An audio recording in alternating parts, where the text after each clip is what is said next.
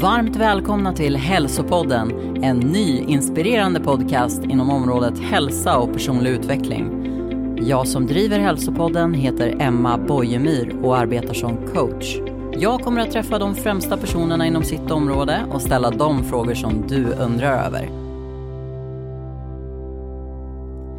2024 får Hälsopodden en sprillans ny partner. Och vilka passar inte bättre att tillsammans med mig få rama in säsong två än Elixir Pharma? Ett svenskt kosttillskottsföretag som grundades år 2000 av före detta elitbrottaren Jimmy Månsson som nu driver företaget tillsammans med sin fru Heidi. Precis som för mig ligger hälsa och välmående högt upp på agendan för Elixir Pharma och att få dela med sig av tips för en mer hälsosam vardag till sin community.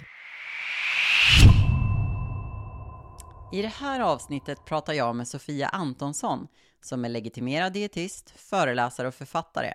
Hon har grundat företaget Belly Balance som genom appen med samma namn erbjuder effektiv hjälp vid IBS.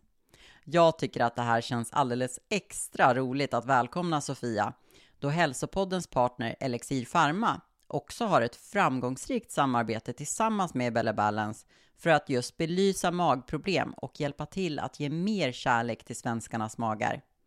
Under avsnittet kommer ni att få höra mer om Helixir Pharmas produkter, vilka är en stor framgång i behandlingen av IBS. Sofia brinner för maghälsa och kostens kraft som både förebyggande och behandlande vid olika sjukdomar. Hon har koll på trender, såväl som den senaste nutritionsforskningen och har lång erfarenhet av att arbeta med patienter. One size doesn't fit all är Sofias filosofi när det gäller kostråd. Och den röda tråden, det är god kvalitativ mat i regnbågens alla färger. Lyssna in det här avsnittet och låt dig inspireras. Varmt välkommen till hälsopodden Sofia! Tack så mycket, kul att vara här. Jätteroligt. Hur mår du? Eh, ja, men jag, mycket bra får jag väl säga ändå. Ja, nu, nu är det ju liksom, det går mot ljusare tider och eh, men jag tycker det känns hoppfullt. Så kan jag säga. Mm. Eller hur? Början mm. på 2024. Har du fått en bra start? Ja, men alltså jag, jag som ju liksom du är i hälsobranschen vet ju om att eh, januari är ju liksom gör om, gör rätt, nystart, omstart och allt vad det är för någonting. Så nu är det ju en, en hög säsong för alla oss som jobbar med hälsa och livsstil och beteendeförändringar och så där. Så att eh, ja, jag tycker den startat eh, bra. Eh, jag försöker ju inte vara så årstidsbunden i mitt, i mitt hälsotänk, men, men jag vet att många är det, så att, nu är det bara att köra. Mm. Är det mycket att göra? Ja, det är det. Eh, vi har precis lanserat eh, vår app i eh, England. Eh, så nu är det liksom bara fullt eh, ös faktiskt. Jättekul. Wow, vad kul. Mm. Då förstår jag att det är mycket nya saker att hantera. Ja, det kan man säga. Det är eh, engelska matvaror bland annat. Då inser man att vi i Sverige är inte så himla dumma ändå på vår mat om man jämför. Ja, nej, det förstår jag. Men du, vad är egentligen maghälsa? Vad kan man liksom, vad ryms i det begreppet? Oj, ja, alltså nu för tiden nästan allt skulle jag säga. Ehm, allting som är eh, hälsa, livsstil, sjukdom, tänker jag liksom kommer ifrån tarmen och liksom magen. Och då är ju maghälsan egentligen det centrala för, om man då säger som hela vår hälsa. Så det är grunden för mig allting. Mm. Och sitter immunförsvaret verkligen i magen? Ja, till stor del. Vi brukar säga 70-80 procent ungefär. Eh, och, eh, så man kan ju göra mycket för att påverka sitt immunförsvar genom att äta rätt och leva rätt. Eh, så, så kommer man ju åt immunförsvaret eh, på ett väldigt, väldigt eh, fint sätt. Eh, och det tror jag nu efter alla liksom, år av eh, virus och, och, så vidare här så tror jag ändå att vi har eh, förstått ännu mer att, eh, att det här med tarmen, tarmbakterierna, eh, det är liksom, det gäller att hålla lite koll där, för då, då får man liksom mycket tillbaka utifrån andra, andra sjukdomsförebyggande kan man väl säga eh, genom tarmbakterierna. Mm. Och hur vanligt är det egentligen med magbesvär? Ja, vanligt. Eh, sen är ju mag, liksom magbesvär, magproblem, orolig mage, det, det är ganska liksom luddiga begrepp. Eh, men det är ju, eh, kan man säga, ett, en, en samling symptom som ökar hela tiden eh, i alla åldersgrupper. Ehm, framför allt skulle jag säga unga kvinnor ökar ju magproblemen i den målgruppen då och det är ju ofta kopplat till eh, stress och användning av sociala medier. Mm. Känns som att man skulle kunna göra ett helt avsnitt om det också. Ja, men verkligen. Och det, det, jag tycker verkligen, jag brukar säga det som jag får, om jag skulle få kunna jobba med någonting där jag inte behövde tjäna några pengar, då skulle jag jobba med barn och, och ungdomar och eh, bygga upp liksom, eh, kost och näringskunskap och liksom, hur ska man äta för att göra en bra grund i, i tarmen, eh, men också så här, kunskap framåt i livet, hur viktigt det är att kunna kost och näring faktiskt. Mm. Mm. Ja, men det tror jag också på. Jag tror att det finns så himla mycket okunskap där ute. Eh, och många företag vill ju kanske, eh, ja, eller det vet vi, vill tjäna pengar på barn och ungdomar också via sociala medier och vad man ska äta och inte äta. Och det är ja, kanske inte de alltså, mest hälsosamma alternativen som marknadsförs mest, utan eh, snarare tvärtom, de här med stora ekonomiska muskler och ja, stora märken med mycket tillsatser och mycket socker och eh, som ska få, få oss att må bra snabbt liksom. Exakt. Ja, men det är verkligen, verkligen helt sant. Jag, jag tänker att det är, jag tror att det är svårt också. Som, som yngre så kanske man tänker att äh, men det, det spelar ingen roll vad jag äter just här och nu, utan det spelar roll när jag blir äldre. Men, men faktum är att vi lägger ju en stor del av vår grund till vår tarmflora när vi är yngre. Så att eh, det är ju superduperviktigt. Mm. mm. Ja, jag tycker verkligen att det där är intressant. Vilka är de vanligaste frågorna som eh, ni får på Belly Balance?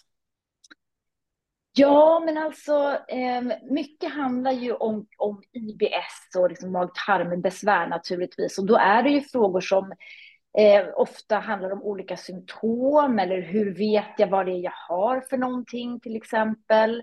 Ehm, kan det här vara ett symptom på IBS eller eh, jag har haft de här besvären så himla länge. Kan man ha det här när man är barn, ungdomar? Eh, så det, det, är mycket frågor kring liksom, vad, är det jag har för någonting? Och kan det verkligen vara det här när jag har haft problem så himla länge? Och, och så där. Så att man vet kanske inte riktigt vad det är som, som händer i, i eh, magen. Och så försöker man väl liksom passa in i något litet fack, liksom, något, något diagnosfack. Mm. Eh, och så läser man mycket och så där. Det finns mycket information på nätet och då blir man ju lätt eh, förvirrad. Mm, såklart. Mm. Men vill du reda ut lite då, de här olika begreppen? För du nämnde ju IBS eh, och jag tänker också stress, du sa, och man hör ibland stressmage och folk pratar om ballongmage. Alltså kan du lite kort liksom reda ut de här grupperna och vilka som oftast har det och vad symptomen kan vara? Ja men absolut. Eh, IBS är ju, eh, står ju för Irritable Bowel Syndrome, alltså irriterad tarm eller mjölkmage, ballongmage, stressmage, kolon irritabile hette det ju på 70-talet. Sådär. Och det är ju en stor folksjukdom eh, som drabbar ungefär 15 till 20 procent av hela världens befolkning faktiskt. Så det är ju liksom jättemånga som har de här problemen. Och det är en funktionell sjukdom, det vill säga man hittar inga uppenbara fel, man kan inte ta blodprov, hitta antikroppar eller så, utan Tarmen ser fin ut, men den funkar bara inte riktigt som den ska. Mm. Eh, och då brukar man säga att, att, och det kan ju vara frustrerande som patient om man tycker att men jag mår verkligen inte bra. Nej, men det ser så bra ut här, säger, säger läkaren. Eh, och, och då handlar det mer om att det är ett, ett liksom obehagliga men ofarliga symptom brukar man säga. Då, då är ju ofta då IBS-symptomen eh, relaterade till den nedre delen av magen. Eh, gaser, uppblåsthet, oro, rummel, buller i magen, eh, smärta till exempel. Ofta har man ju ont på höger eller vänster sida under revbenen där liksom tjocktarmen gör stora krökar. Eh, och sen har vi ju då eh, eh avföringsrubbningar, diarré, förstoppning eller omväxlande avföring. Och det är ju så man klassar IBS. IBS-D för diarré, IBS-C för förstoppning eller constipation och IBS-M för mixed eller ja, omväxlande avföring. Lite, det, är liksom, det, det är diarré och så är det förstoppning och så går det fram och tillbaka.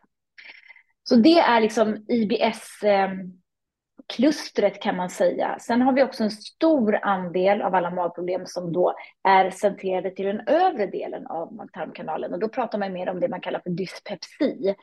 Eh, och där kanske man känner igen sig i att man har haft magkatarr eller uppkördhet på något vis eller stora uppstötningar, halsbränna, illamående, tidig mättnad och så vidare. Eh, och det är ju oftare relaterat skulle jag säga till kanske stress och livsstil. Eh, IBS kan oftare hänga ihop med ärftliga faktorer, en del stress såklart, men kosten också där, eh, tarmfloran. Ehm, och man kan ha både IBS och dyspepsi, de kan hänga ihop, de kan påverka varandra. Eh, eller så har man bara det ena eller det andra. Så det är de stora eh, mag-tarm diagnosgrupperna kan man säga. Sen har vi laktosintolerans och glutenintolerans och, och gallbesvär och så vidare som är liksom lite, lite mindre, men, men eh, där man snarare liksom oftare kan hitta ett fel och sätta en ordentlig diagnos. Ja, det är eh, många olika symptom man kan känna och det känns som att vi tidigare så pratade vi inte så mycket om hur vi upplever magen och hur ma magen påverkar oss. Vad tycker du? Känns det som att vi har vänt den här trenden och pratar mer om magen nu? Ja, absolut. Eh, det gör vi ju. Eh, det är många som frågar mig så här, ökar, ökar IBS och, och magproblem så där? Är det allt fler? Ja, det är det, säger jag, men det är också så att vi är mycket bättre på att prata om magen idag. Det är flera som söker hjälp för de här typen av problem. Det gjorde man kanske inte på så här 50-60-talet, utan då gick man och, och bet ihop och så var det liksom inget mer med det. Så ja, vi är snabbare på bollen idag och söker hjälp och vi pratar också mer om magen. Men jag tycker vi kan prata ännu mera om våra magar. Eh, och, och jag uppmanar ju alltid mina mina patienter också sådär, att man gärna får liksom Ja, men I lunchrummet så kan man ju, för det är många som tycker det är jobbigt att äta annorlunda sådär. Och då kan man ju istället vända på det och så berätta, ja men vet du, jag håller på med den här kostbehandlingen. Det, det har hjälpt min mage jättemycket och sådär. Då, då det alltid, kommer de alltid tillbaka och säger, ja men du vet det var flera på mitt jobb som hade samma problem och nu, nu kör vi lite tillsammans och sådär. Så att ja, vi pratar mer om det men det kan bli ännu mer. Ja, men jättebra. Och det är, det är så fint också om man kan få lite socialt stöd i sådana här lite tabubelagda frågor. Eh, verkligen bra. Eh, vilka är de mest eh, förutfattade meningarna om eh, IBS och magbesvär då? Ja, men alltså det finns ju en ganska gammal så här, skröna som, som eh, jag i och för sig fortfarande får höra från mina patienter att det kanske deras läkare eller så har sagt. Och det är liksom mer att så här, ja, IBS det sitter i huvudet, sluta tänka på magen bara ska du se att det, att det ordnar sig. Eh, vilket det inte gör på något vis. Sen handlar ju absolut IBS eller magproblem till stor del också om hur vi hanterar vår omgivning, det vill säga stressen. Men det, med det sagt så betyder det inte att det sitter i huvudet. Så det är en vanlig eh, skröna. Eh, sen är det också en vanlig skröna att man säger, eller egentligen en missuppfattning, och det är att man ska undvika fibrer när man har en känslig mage. Eh, och det är också, tänker jag, helt fel. Eh, för alla behöver vi äta mer fibrer. Alltså vi behöver ju alla typ dubbla vårt intag av kostfiber för att ens komma upp i det rekommenderade intaget. Så när man har IBS så behöver man ju bara välja rätt sorts fibrer, men man behöver fortfarande äta de där fibrerna för att eh, tarmen ska funka som, som den ska. Så att det är liksom de kanske vanligaste, eh, det vanligaste jag får höra. Och sen är det också vanligt att, att jag hör att ja, men jag har hört att det är individuellt vad man kan, vad man kan äta och så där när man har IBS. Och mm. det är det inte. Um, vi kommer in på det så småningom här, hur man ska tänka med kosten och så där. Men det är, för de allra, allra flesta reagerar på exakt samma saker i kosten. Och plockar man bort dem så blir de allra, allra flesta direkt väldigt mycket bättre. Så att uh, så individuellt är det inte. Det blir lite individuellt på slutet, men, uh, men det är ungefär samma för de flesta. Ja, intressant. Vilka är de klassiska, mest klassiska symptomen då på just IBS? Men jag skulle säga att det är då gaser, uppblåsthet och avföringsrubbningar. Det är väl liksom det man brukar säga. Sen är det så att, att alltså alla de här symptomen är väldigt liksom subjektiva. Och det betyder att om någon eh, går på toa tio gånger på en dag och tycker att så här, äh, men det är okej, det, det funkar ändå liksom. Så betyder ju inte det att det är ett symptom som på något vis är liksom varken mer eller mindre eller, eller värre eller bättre än no någonting annat. Eh, jag har många unga kvinnor som kommer till mig och är oerhört eh, besvärade av uppblåsthet till exempel. Man känner att jag kan inte gå ut, jag kan inte ta på mig kläder, så som jag är gravid. Man är liksom väldigt begränsad i sin vardag, vilket ju många med med IBS är. Så att jag skulle säga att det finns vanliga symptom, men hur man tolkar och uppfattar de här symptomen kan vara väldigt, väldigt annorlunda skulle jag säga. Mm. Och kan det vara så att man eh, har en uppsvälld mage under en viss tid, men på grund av andra saker, så att det, det är ändå inte IBS, tänker jag? Ja, och man kan ju ha liksom ett eller några av de här symptomen. Och då pratar man snarare om eh, ett, ett, antal symptom som ligger under, som också är kan man säga funktionella symptom. Och då har man bara ett, och det kan vara funktionell uppblåsthet. Då har du liksom bara uppblåsthet, funktionell gasbildning, funktionell diarré. Och då har du som ett eh, symptom eh, som är kanske liksom väldigt framstående då. Men eh, det är ofta ändå så att vi klassar det så att säga, under IBS, även om det inte är en klar IBS-diagnos så är det ändå ett funktionellt eh, symptom. Eh, och det kan vi ju i, i de allra flesta fall liksom hjälpa till med också. Men ja, magen varierar ju naturligtvis i omfång under dagen. Det är ju helt naturligt. Ingen har en platt och tyst mage hela tiden. Då då blir man nästan orolig om man skulle ha det. Um, mm. Så att magen kan, alltså den varierar i omfång under dagen, det är ju som helt naturligt. Men, men vissa dricker ett glas vatten och sen har man liksom världens ballongmage. Eh, och då är det ju snarare en, en reaktion som kanske mer är kopplad till olika nerver och funktioner i magen. Eh, och då klassas det ändå in under då funktionella tarmsjukdomar. Just det. Mm. Men jag tänker också så här, när vet man om man ska söka hjälp för sina besvär? Ja, men bra fråga. Och det är precis det här som är kanske det liksom lite svåra, eh, frustrerande. Att så här, men tro, tror att jag kan ha det här? Eller jag har liksom bara de här symptomen.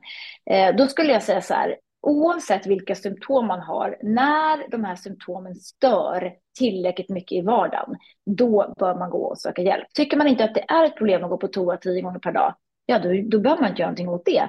Men, men känner man sig begränsad, man tackar nej till olika saker, man undviker att ta bussen, för tänk om jag måste gå på toa, då har det här börjat liksom ta sig uttryck i vardagen och då tänker jag att det är vettigt att eh, gå och söka hjälp. Mm. Ja, men bra svar där. Eh, jag tänker också en del personer som är så här, eh, man kanske ska göra en skrivning när man är student och man blir väldigt dålig i magen eller man börjar ett nytt jobb och man blir väldigt så här, orolig i magen. Är det också ett tecken på att man har magbesvär eller är det bara naturligt? Alltså kopplat till eh, oro och stress och så. Ja, men alltså det är ju den nervös magen, alltså fjärilar i magen eller att man, ja men precis som du säger, man ska göra ett prov eller man ska föreläsa eller någonting och så måste man så akut gå på toa. Och det är ju snarare ett ett stresspåslag, ett liksom sympatikuspåslag där kroppen är så här, nu är det fara och färde, nu måste vi tömma det vi har, till exempel, i magen, för nu kanske jag behöver springa för livet här. Eh, så det skulle jag säga, sådana episoder kan ju komma för oss alla. Eh, och det är inte IBS, det är helt normalt, det är liksom något, annat. Utan det är när de här besvären blir mera kvarstående, mer kroniska. Jag menar, många av dem jag träffar har haft problem i liksom 10, 20, 30 år. Och då mm är det ju liksom, då är det ju inte bara någonting som är liksom tillfälligt inför en, ett, ett, liksom en händelse eller så. Mm. Ja, jag förstår. Och det kan också vara då så här att om man har besvär av magen så kan det vara att symptomen varierar. Att ena gången så är det så här avföringsvanorna som blir påverkade och en andra gång så är det uppblås, alltså att man är gas, gasig i magen. Och eh, jag för, förstår jag dig rätt där, då är, kan vara liksom IBS men att, att man ja, i perioder känner olika saker. Absolut, symptomen kan förändras och eh, IBS går ju ofta lite i skov, att det kommer i perioder. Det kan ju hänga ihop med att man är stressad i perioder och då blir magen mer orolig och sen är man mindre stressad och då kan man äta lite mer tillåtande. Så det är liksom, det, absolut kan det vara olika symptom. Eh, det som, det som är liksom avgörande tycker jag när det blir liksom kvarstående och att det blir lite mer kroniskt. Det är då jag tänker att då har man ju ändå en vinst i att, att försöka göra någon, någon förändring. Elixir Pharma är ett svenskt kosttillskottsföretag som grundades år 2000 av före detta elitbrottaren Jimmy Månsson. De tillverkar kosttillskott och vitaminer för livets alla faser och cykler, både för dig och för alla du tycker om, för att ge en mer positiv effekt på hälsan. De finns helt enkelt för alla de tillfällen när livet kommer emellan och du behöver en knuff i en ny riktning. Elixir Pharma har kosttillskott för hela livet. Ni har ju också en app där ni jobbar då med IBS-behandlingen. Eh, och där har ni inkluderat en produkt som verkligen gjort stor skillnad för många, eh, fiberkomplex. Och det är ju den enda FODMAP-certifierade fiberprodukten i Sverige vad jag förstår. Eh, mm. Skulle du vilja berätta lite mer om den produkten? Mm. Ja, men absolut. Um, alltså, um, för det första då så är det ju den kostbehandlingen vi håller på med, den heter ju FODMAP och det kan ju låta jättekonstigt. Många säger FoodMap, matkarta, men den heter faktiskt FODMAP.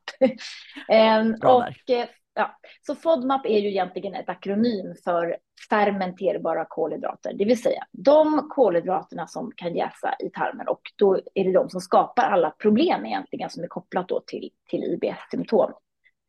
Och det är inte alla kolhydrater som jäser i magen, utan det är vissa kategorier. Fruktos och laktos till exempel är sådana här kategorier. Eh, och sen är det då vissa fibrer som med ett svårt ord kallas för oligosackarider. Och de finns ju då i lök och vitlök, sädeslag och baljväxter, ärtor, bönor och linser. Och det här känner säkert många igen sig som lyssnar nu, att, att man tycker att ja, bönor, det vet man ju, det blir man ju dålig i magen av. Det blir ju alla, men har man IBS blir man nästan sjuk. Så att, ehm, men däremot de andra kategorierna här är ju inte så alltid lätta att liksom förstå vad det är som man liksom faktiskt reagerar på. Och då plockar man ju bort de här under en period eh, i den här behandlingen och så blir magen bättre och så lägger man kontrollerat tillbaka då vissa livsmedel och så kommer man snabbt fram till att jaha, men det var det här. De här tio livsmedlen, de var inte bra för min mage. Håller jag mig undan dem, då funkar magen riktigt bra. Så det är liksom, liksom sådär FODMAP lite i ett, ett nötskal. Um, mm. Sen um, apropå det här med fibrer då, att det är svårt att, alltså det är svårt för gemene man skulle vi då kunna säga. Genomsnittssvensken får i sig 15 gram kostfiber per dag. Vår rekommenderade intag är 30. Så här kan vi alla göra en insats. Alla behöver veta mer fibrer. Eh, men det är ju extra svårt för den med IBS eftersom många fiberrika livsmedel som ehm, baljväxterna eller fullkornsprodukter, råg, vete är otroligt tuffa för magen när man har en känslig mage. Och då eh, rekommenderar vi lite andra sorters fibrer när man har IBS. De som är lite mer eh, snällare mot magen, som inte jäser och som inte skapar alla, alla problem. Och då har vi till exempel då det här, eh, den här produkten Fiberkomplex som då är analyserat i Australien och har fått en märkning som heter då FODMAP Friendly, som talar om att den här funkar bra även för den som har IBS. Eh, och det fina med det här komplexet då, det är att det innehåller flera olika sorters fibrer. Eh, psylliumfröskal, det är sådana här små eh, loppfrön, sådana här svarta. Eh, skalet där är väldigt gelébildande, så när det kommer i kontakt med vätska så blir det som ett gelé, bulkar upp, mjukar upp och ger volym till avföringen kan man säga. Och det vill mm. man ju ha, för då funkar tarmen lite bättre. Och sen har vi även då havrefibrer i den här produkten och även då eh, resistent potatisstärkelse. Och resistent stärkelse överlag är ju sånt som också är oerhört nyttigt för tarmbakterierna. Det är som liksom godis för dem. Just Så att det här liksom i, eh, i kombination med de här tre fibrerna är ett otroligt bra tillskott.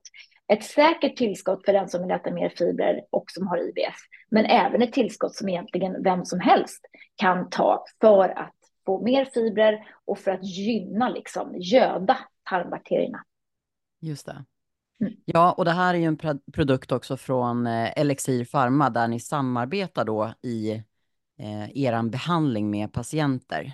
Visst mm. stämmer mm. det? Mm. Ja, men precis. Alltså, vi har ju ett, ett gäng produkter från Elixir eh, som vi ehm, eh, då inkluderar och som man kan använda sig av. Eh, det finns ju både, både den här typen av fiberkomplex men även då ett ehm, eh, mjölksyrabakterier plus, plus enzymer.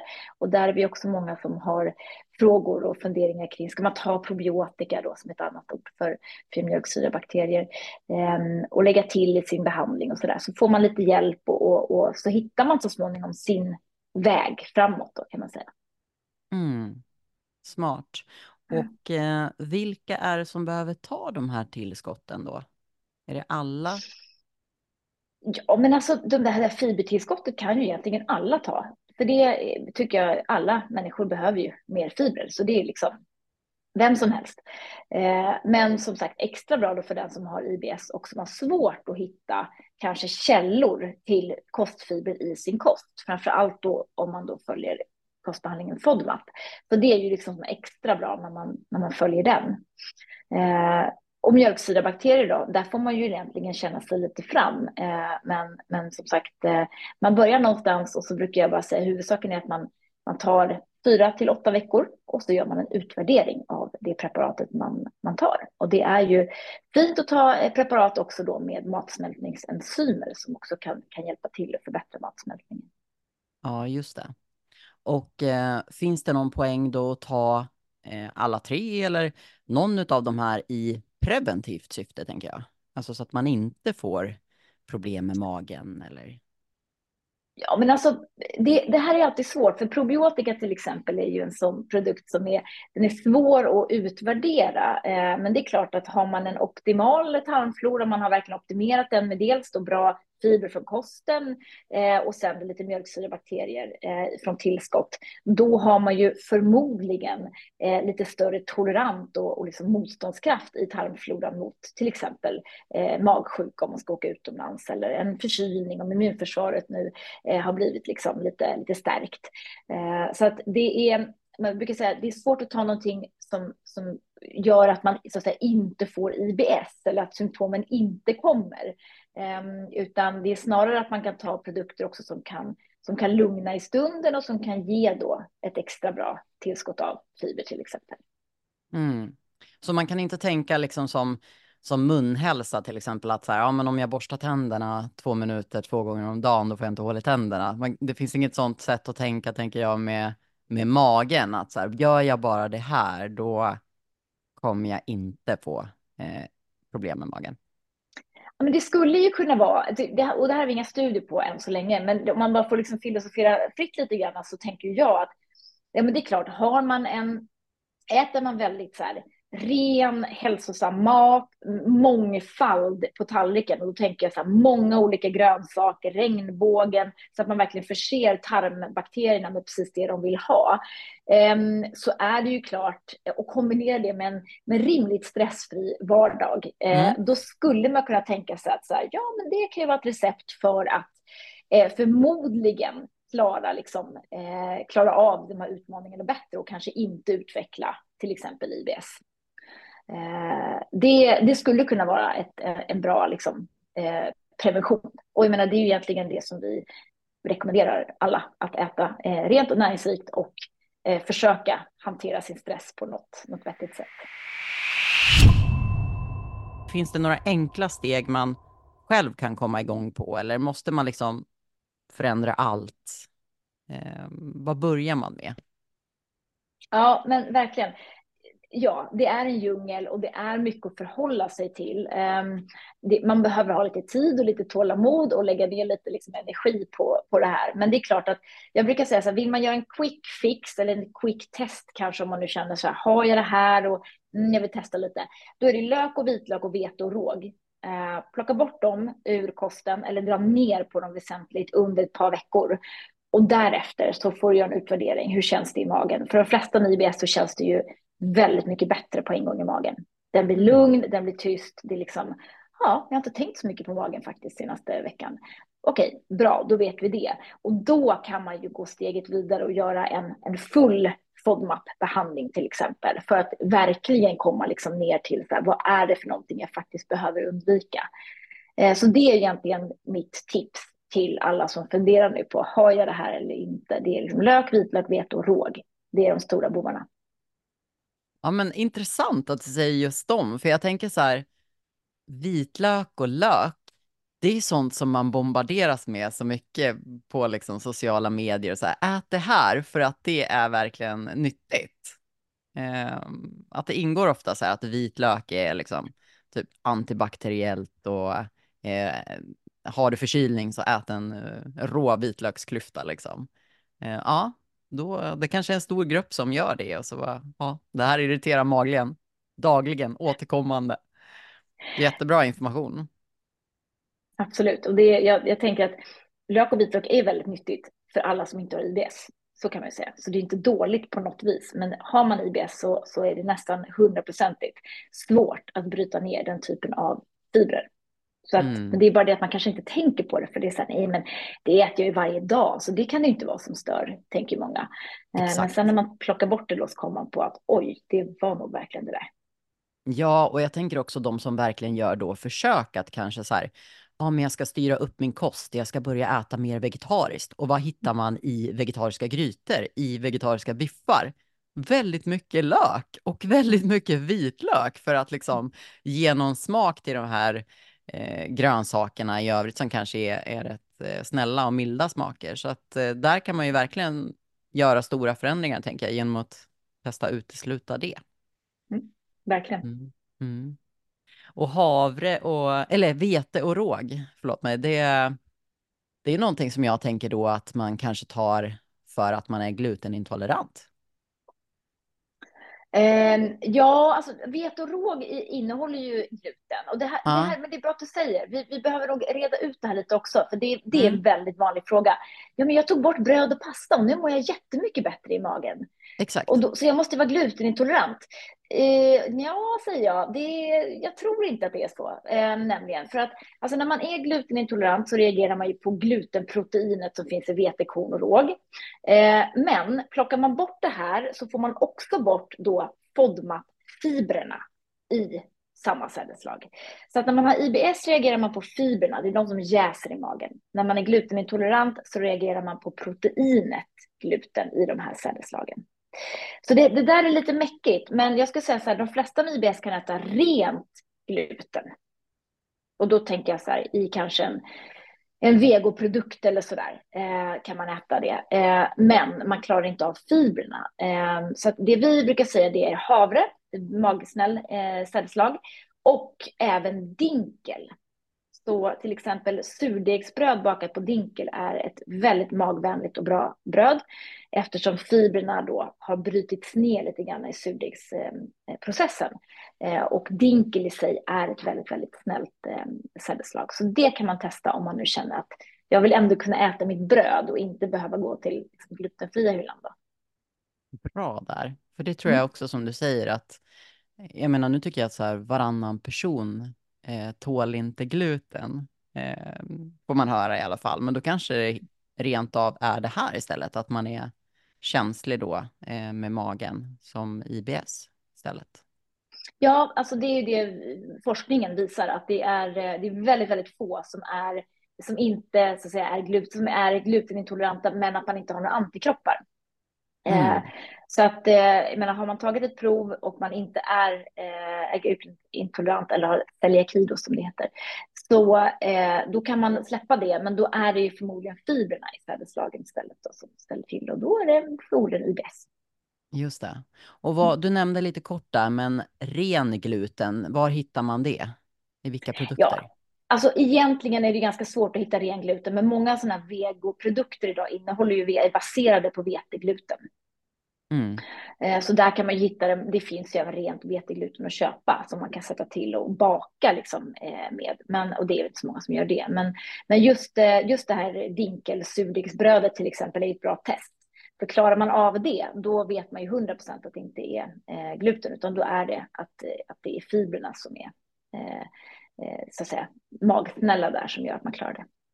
Just det. Och en följdfråga på det, är liksom alla surdegsbröd bättre alternativ för magen, även om det inte är på dinkel, tänker jag. Ja, svar ja. Eh, jag skulle säga att råg är högst på, på skalan, det är det som är tuffast. Och sen kommer vete och sen kommer havre och dinkel. Så att ett vanligt så här, vete, levain, bröd, om det nu är bakat korrekt, det vill säga äkta surdeg, mm. eh, då eh, man får till den här långjäsningen så är det snällare för magen än ett vanligt vetebröd, ja. Mm. Härligt, så då blir mm den uh, uppmaningen nu till alla, det blir att uh, baka sitt eget surdegsbröd helt enkelt. Vi plockar upp det igen efter liksom in här när alla skulle baka, så ja, jag tror vi får gå tillbaka lite till det igen faktiskt. Ja, men det finns många fördelar med det tänker jag. Det är lite meditativt, lite avstressande när man tvingas vara närvarande i det man gör. Det smakar gott, det är trevligt och det är bra för magen. Absolut, verkligen. Mm. Om vi blickar framåt då, hur tror du att behandlingen för IBS kommer att se ut i framtiden? Ja, men det är en bra fråga. Eh, det händer ju väldigt mycket på det här eh, området. Eh, mycket forskning som pågår, framför allt om man nu tänker så här tarmflora, Eh, avföringstransplantationer håller vi på med inom vården, avföringsanalyser.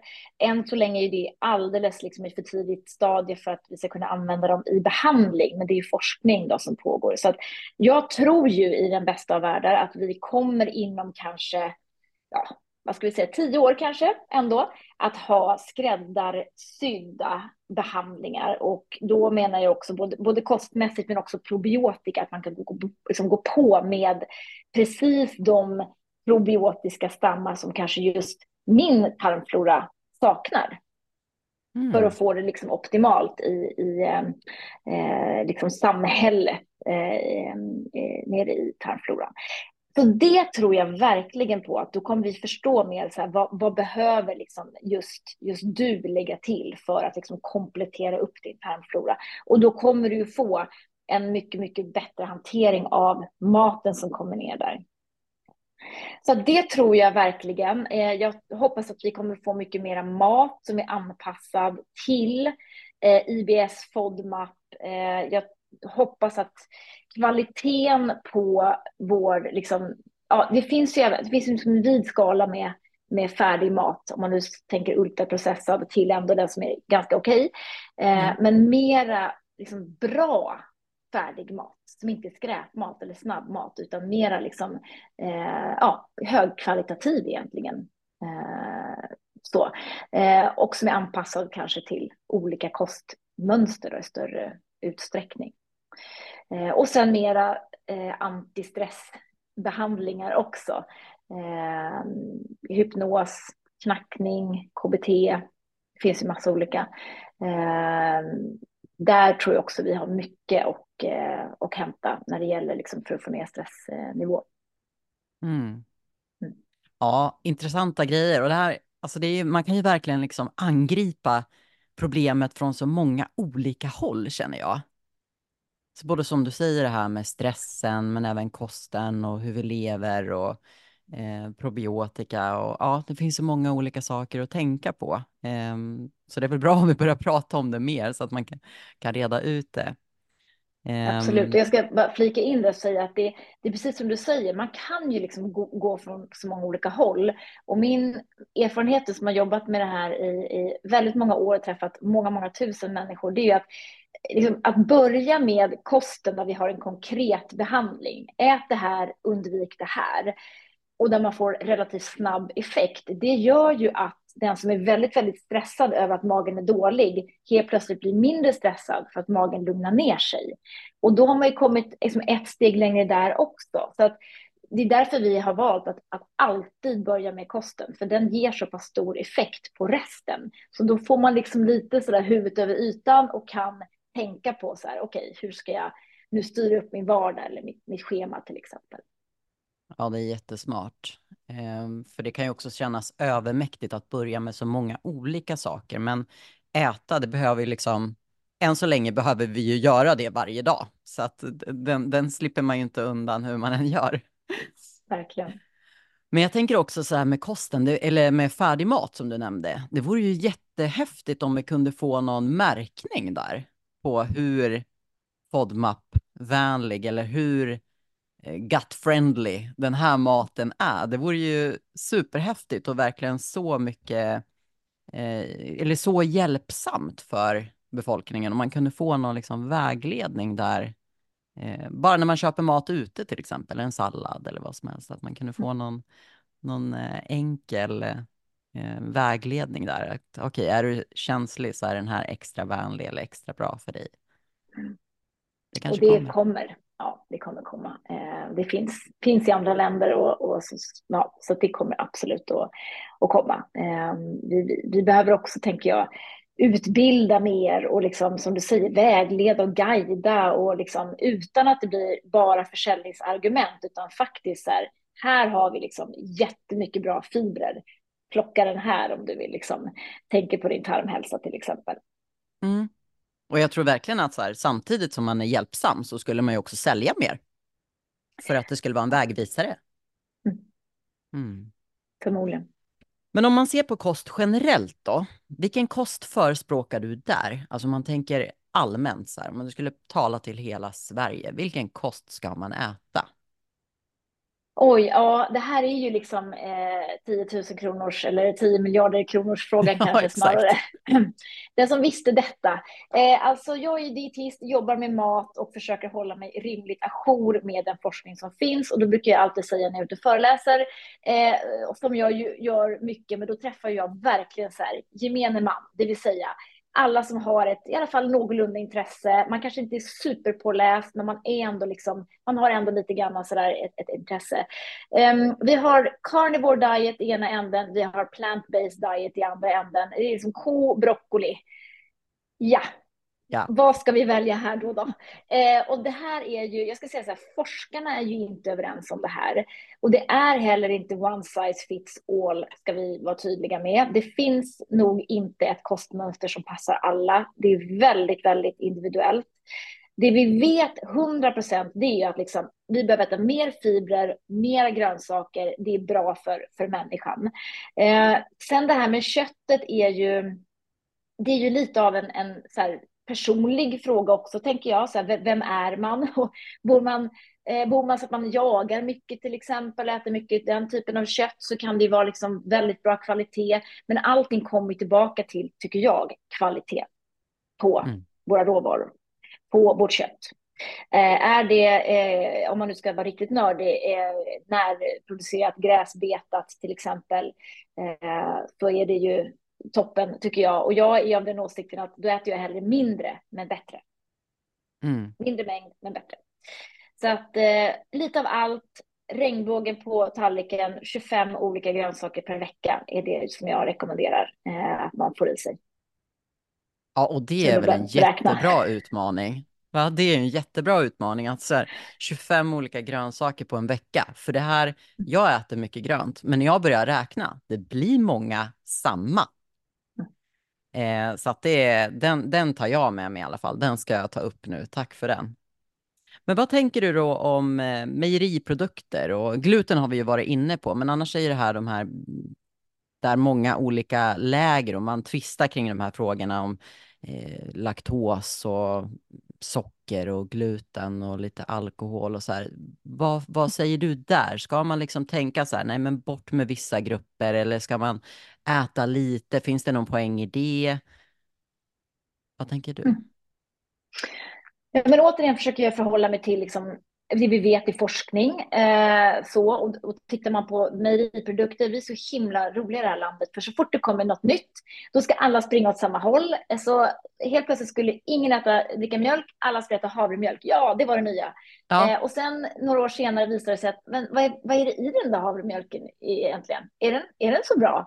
Och så börjar man titta och så inser man att ah, kanske inte är så himla bra ändå. Kanske vanlig mjölk är bra. Så kommer man tillbaka dit.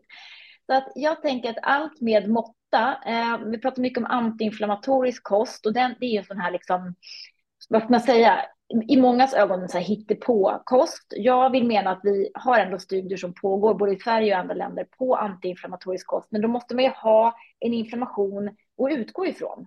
Man kan ju inte bara anta att alla går omkring med lite inflammation, utan eh, men där ser vi ju de definitionerna ser lite olika ut, eh, de kosterna, men där är det ju oftast eh, syrade produkter som man behåller, alltså yoghurt och fil, men man plockar bort vanlig mjölk. Och likadant med eh, sädeslagen, man plockar bort rent vitt processat vetemjöl, behåller fullkornsprodukterna. Så lite där skulle jag väl kunna säga att jag, jag befinner mig också. Man måste alltid titta på alternativen tycker jag. Om man nu inte vill äta gluten, nej men titta på de glutenfria produkterna. Hur ser de ut innehållsmässigt, näringsmässigt? Inte jättebra, eh, de flesta av dem. Det finns absolut de som är bra, men, men många är ju inte det. Och då tänker jag så här, då kan man inte byta över till något ganska dåligt bara för att man vill undvika den där glutenet. Nej, men det är väl återigen till, tillbaka till kvaliteten som du nämnde tidigare då. Exakt, Kvalit det är precis det det handlar om. Allt, allt viktigare. Mm. Mm. Men finns det något livsmedel då eller någon speciell eh, tillsats som du tycker att ja, men det här ska alla undvika? Men alltså det, det, är de här standard, liksom, glutamat, palmolja pratar jag ju ganska mycket om. Eh, och det, det tänker jag så men det vet väl alla nu. Nej, men det tror jag kanske inte att det är så då, utan titta gärna, välj bort när det är palmolja.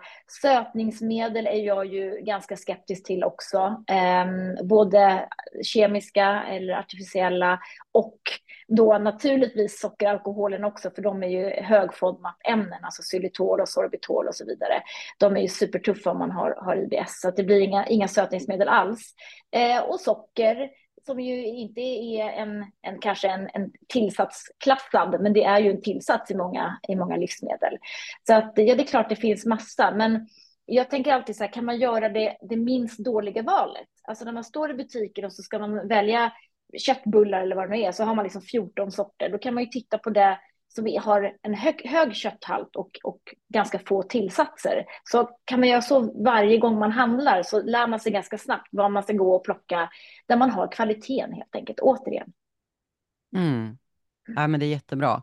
Eh, men jag tänker där också en, en, en, fråga som bara dyker upp i mitt huvud. Jag har tre små barn och eh, det är mycket kalas. Eh, och där, då står man ju där, okej, okay, nu ska vi dricka saft. Ska vi ha det med vanlig socker eller ska vi ha den här eh, sockerfria då, så man inte får i sig lika mycket? Och mm, så här, vad skulle du råda i en sån situation och alla som lyssnar där ute? Är det bättre att äta lite riktigt socker eller ska man välja produkter där man har ersatt sockret med eh, lite lägre energimässiga eh, alternativ? Alltså, i, I det stora hela så spelar det inte så jättestor roll om man nu äter eller dricker eh, socker i små mängder, det vill säga att man går på ett kalas någon gång då och då, man kanske äter no någonting någon gång i veckan, liksom. så spelar det ingen roll om man tar ett glas vanlig saft eller light saft eller läsk eller vad det är för någonting. Utan det handlar ju mer om när det, när det kommer till de stora volymerna. Och då skulle jag säga att varken sötningsmedel eller socker verkar vara liksom särskilt bra. Sötningsmedel påverkar tarmfloran och även då blodsockret har man sett. Så att jag ska säga så lite som möjligt och ska man då ta ett glas någon gång då och då eller liksom så, så då spelar det faktiskt ingen större roll. Mm. Det var men ganska barn, skönt att höra. Ja, men alltså har man barn så tycker jag att då kan man väl ta det, det riktiga. Alltså, ja, jag tycker ändå det att, för de här kemiska grejerna, de är så himla söta. Mm. Ja, det blir väldigt onaturligt på ett sätt. Mm. Men vi, vad väljer du då om du får, om du blir bjuden? vad, vad, vad, väljer du personligen? Ja, har du lite socker eller tar, har du sockerfria alternativ? Nej, men jag tar nog absolut med socker, skulle jag säga. Ja, det gör mm. jag. Är det smaken det. som avgör eller är det mer att du vet vad det innehåller? Nej, men jag, då är det ju att jag vet vad det innehåller, helt klart. Mm. Mm. Så är det. Finns det några bra tips då på snabbmat som är IBS-vänligt? Ja, snabbmat är väl egentligen, ja, bra. Det brukar funka rätt bra med sushi om man gillar det. Eh, annars är det svårt att äta ute och gå på restaurang. Det är lök och vitlök i, i nästan allt. Men det jag brukar rekommendera är ju eh, de här salladsbarerna som finns nu, där man kan gå och plocka sin egen sallad. Eh, dels kan du välja precis vad du vill eh, och välja bort det du då inte klarar av att äta. Eh, och så kommer du väldigt nära de där 25 olika grönsakerna på nästan en lunch. Just faktiskt. Mm. Eh, så att de tycker jag är toppenbra. Eh, det finns ju jättemånga kaféer och, och matbutiker som har stora diskar liksom med, med färdig sallad. Så ja, där kan man verkligen plocka på sig eh, variation. Mm. mm. Och ska man laga den här snabbmaten själv då? Har du några favoritrecept? Ja, men alltså jag gillar soppor. Det tycker jag är sjukt bra. Snabbt, enkelt, billigt, näringsrikt. Eh, grönkålsoppa, spenatsoppa, eh, morotssoppa. Det finns ju alla möjliga varianter. De gör jag gärna. Rotsaker i ugn är jag eh, väldigt svag för också. Eh, tycker jag är gott. Eh, kålsorter av alla olika kålsorter är ju min favorit. Det äter jag mycket ofta av. Ja, det är så gott. Men är det verkligen bra för magen? För rent spontant så tänker jag så här, kol, lika med orolig mage. Ja, precis. Ja, alltså eh, det är egentligen så att vitkålen som vi har i Sverige, alltså den här kompakta vinterkålen, den är tuff för magen, så den, den kan man se upp lite mer. Men grönkål och svartkål funkar ju oftast jättebra och de är goda. Rödkålen funkar också. Eh, lite brysselkål, savoykål. Eh, man behöver inte äta liksom ett berg, man kan äta lite granna så går det oftast eh, jättebra. Så man brukar säga i, i FODMAP så är det ju, ju grönare desto bättre. Mm. Desto snällare för magen alltså. Är det just grönt som alltså spenatfärgen eller är det mer att det ska vara vegetariskt? Det är färgen. Alltså man kan tänka så här, salladslöken till exempel, där rekommenderar vi den gröna delen och så slänger man den vita.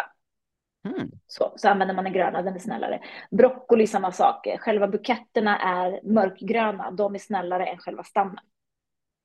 Och hur kommer det sig? För att du har ett annat fiberinnehåll. Du har oftast fibrerna i de, de ljusare delarna.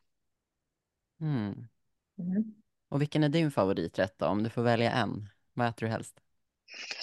Och vad äter jag helst? Ja, nej men alltså, då äter jag nog nästan skaldjur. Det är ju liksom, när man får lyxa till det, så äter jag nog helst en, en liten blandning av skaldjur. Krabba till exempel är jag väldigt svag för. Mm, så gott. Mm. Men hur är, hur är det med det här glasvinet till då, eller bubblet? Hur påverkar det magen? Eh, nej, det påverkar inte magen jättemycket om man dricker, liksom, jag brukar säga så här, ett glas går bra.